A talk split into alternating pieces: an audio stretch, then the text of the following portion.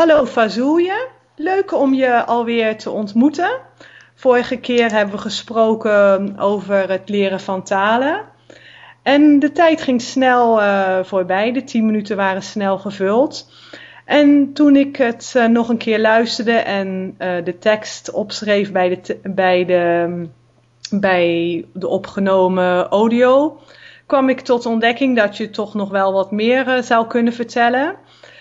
Um, we zijn een beetje gestopt bij het leren van het Deens. Dus ik weet eigenlijk niet zo goed waarom je Deens bent gaan leren. En ik weet dat je ook um, als Esperanto uh, hebt geleerd of nog steeds aan het leren bent. En dat is misschien interessant om iets te vertellen wanneer je dat gebruikt. En uh, misschien kun je ook iets vertellen over het uh, praten op Skype, hoe je dan de mensen ontmoet in eerste instantie. En um, wat, wat doe je allemaal met uh, de talen heden ten dagen? Ik laat je aan het woord, Fazouja. Ja, leuk om je weer op Skype te ontmoeten, uh, Sylvia.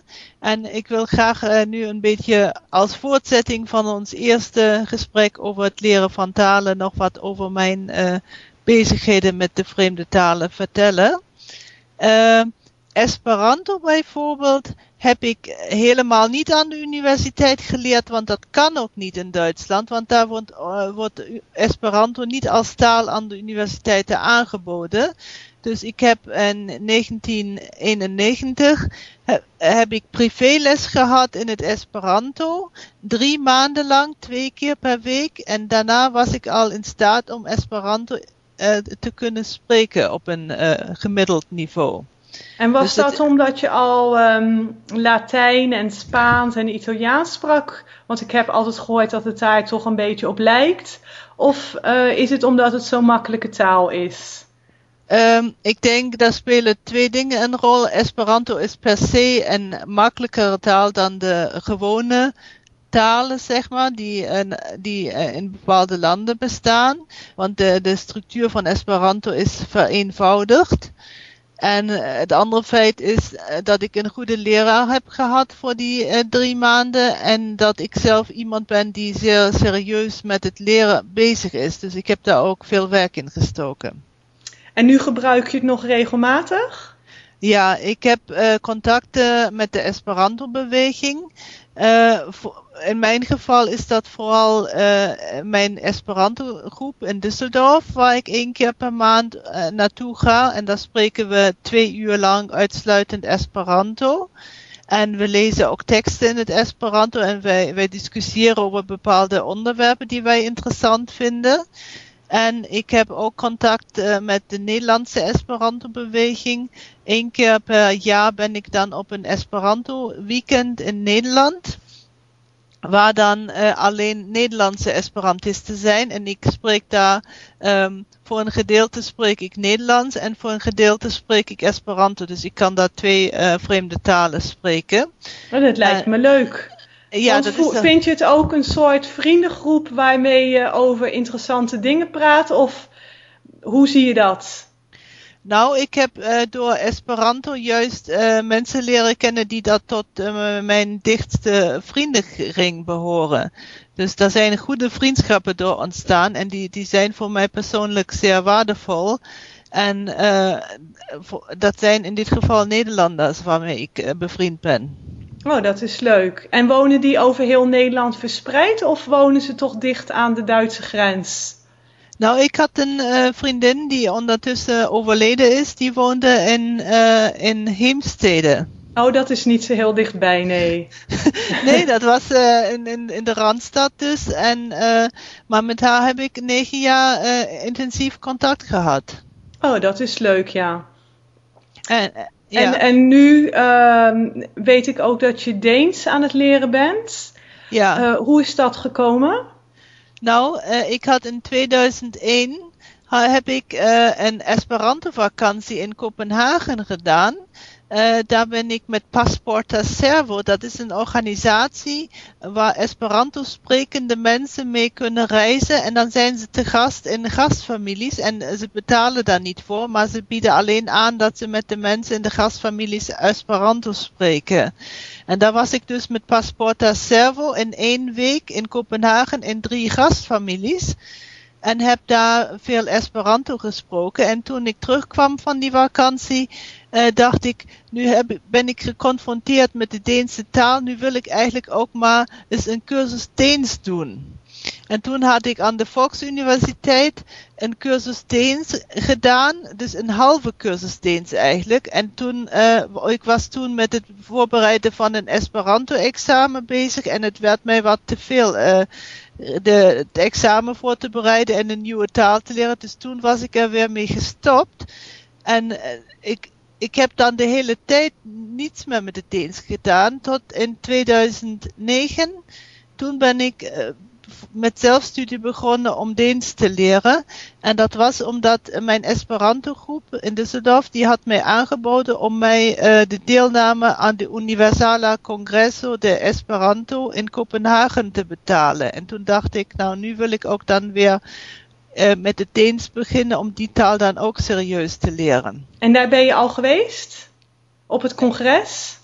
Ja, daar ben ik geweest. Dat was vorig jaar in 2011. En, en volgend jaar ga je weer? Ik ga waarschijnlijk helemaal niet meer naar Denemarken, maar ik blijf toch Deens leren. en, en, maar je kan het nu al vrij goed spreken waarschijnlijk, want het, het lijkt toch, het is vrij verwant aan het Duits als ik dat zo bekijk. Nou, ik heb nog niet zo'n goede uh, spreekvaardigheid, maar ik heb al, uh, mijn, vooral mijn leesvaardigheid heeft heel veel vorderingen gemaakt, want ik zit nu in een gevorderde cursus Deens aan de Volksuniversiteit en daar zit ik nu al één jaar. En we lezen uh, teksten op native level en ik, we lezen ze ook hardop en de lerares controleert de uitspraak in de lessen. Is het een echte Deense mevrouw? Nee, dat is een Oostenrijkste. Ah, oké. Okay. maar die spreekt, die spreekt uitstekend goed Deens. En, en met een hele goede uitspraak. En uh, die is ook een strenge lerares. Dus uh, ze stelt hoge eisen. En, en, en dat vind ik heel goed. Want uh, dan heeft dat de lesgeven hoog niveau. En die kan daar heel veel vorderingen bij maken.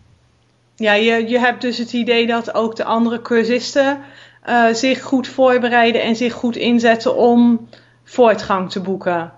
Nou, de andere, we zijn een groep met vijf mensen en de andere cursisten die, die zijn al tien jaar met het Deens bezig. En ik ben daar uh, dus als, als nieuweling bijgekomen.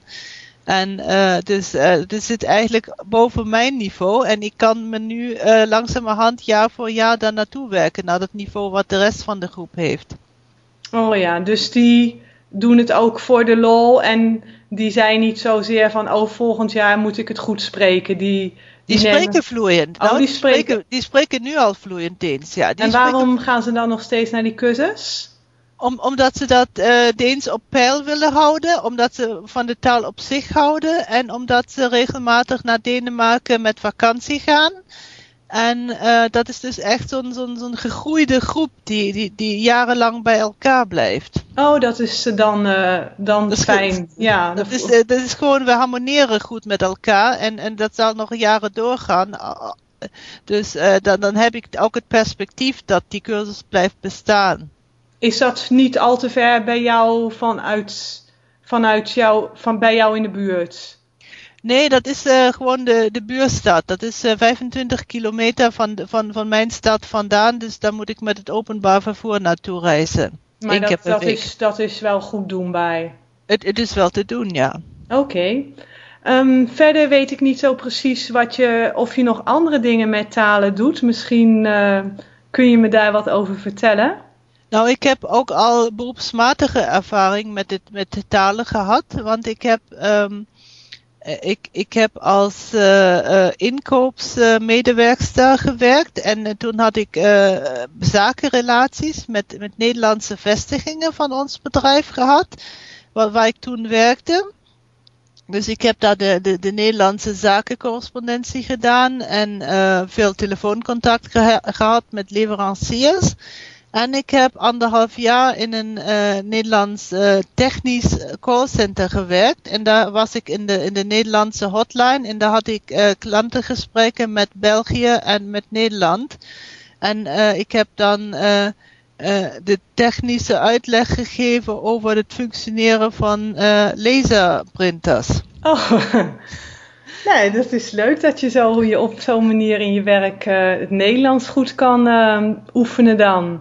Want ja, heb je niet echt meer nodig. Maar nou, het was, was toen uh, wel goed, omdat uh, ik sowieso in het algemeen moeilijk een baan kan vinden. En toen hadden ze specifiek mensen gezocht die heel goed Nederlands spreken. En ehm, dus daar, zei, daar is niet zoveel concurrentie op de Duitse arbeidsmarkt, want er zijn niet zoveel mensen die goed Nederlands spreken. Oké, de tijd gaat weer snel voorbij. We zijn aan de 10 minuten gekomen. Um, ik zou misschien als laatste afsluitende vraag dan willen vragen of je nog uh, projecten hebt voor de toekomst. Nou, mijn project momenteel betekent dat ik eh, tien jaar lang Deens wil leren. En ik heb de, bijna drie jaar achter de rug, dus daar komen nog zeven jaar. En daarna denk ik ook uh, dat ik of mijn Turks weer ga hervatten of dat ik aan het Portugees wil gaan beginnen. Nou, dat lijkt me dan een goede afsluiting. Dan een uh, fijne vakantie ook voor jou, ook al ga je misschien niet heel ver weg van huis. En dan tot de volgende keer. Ja, prettige vakantie en uh, we spreken elkaar de volgende keer voor een nieuwe podcast. Tot ziens dan. Dag.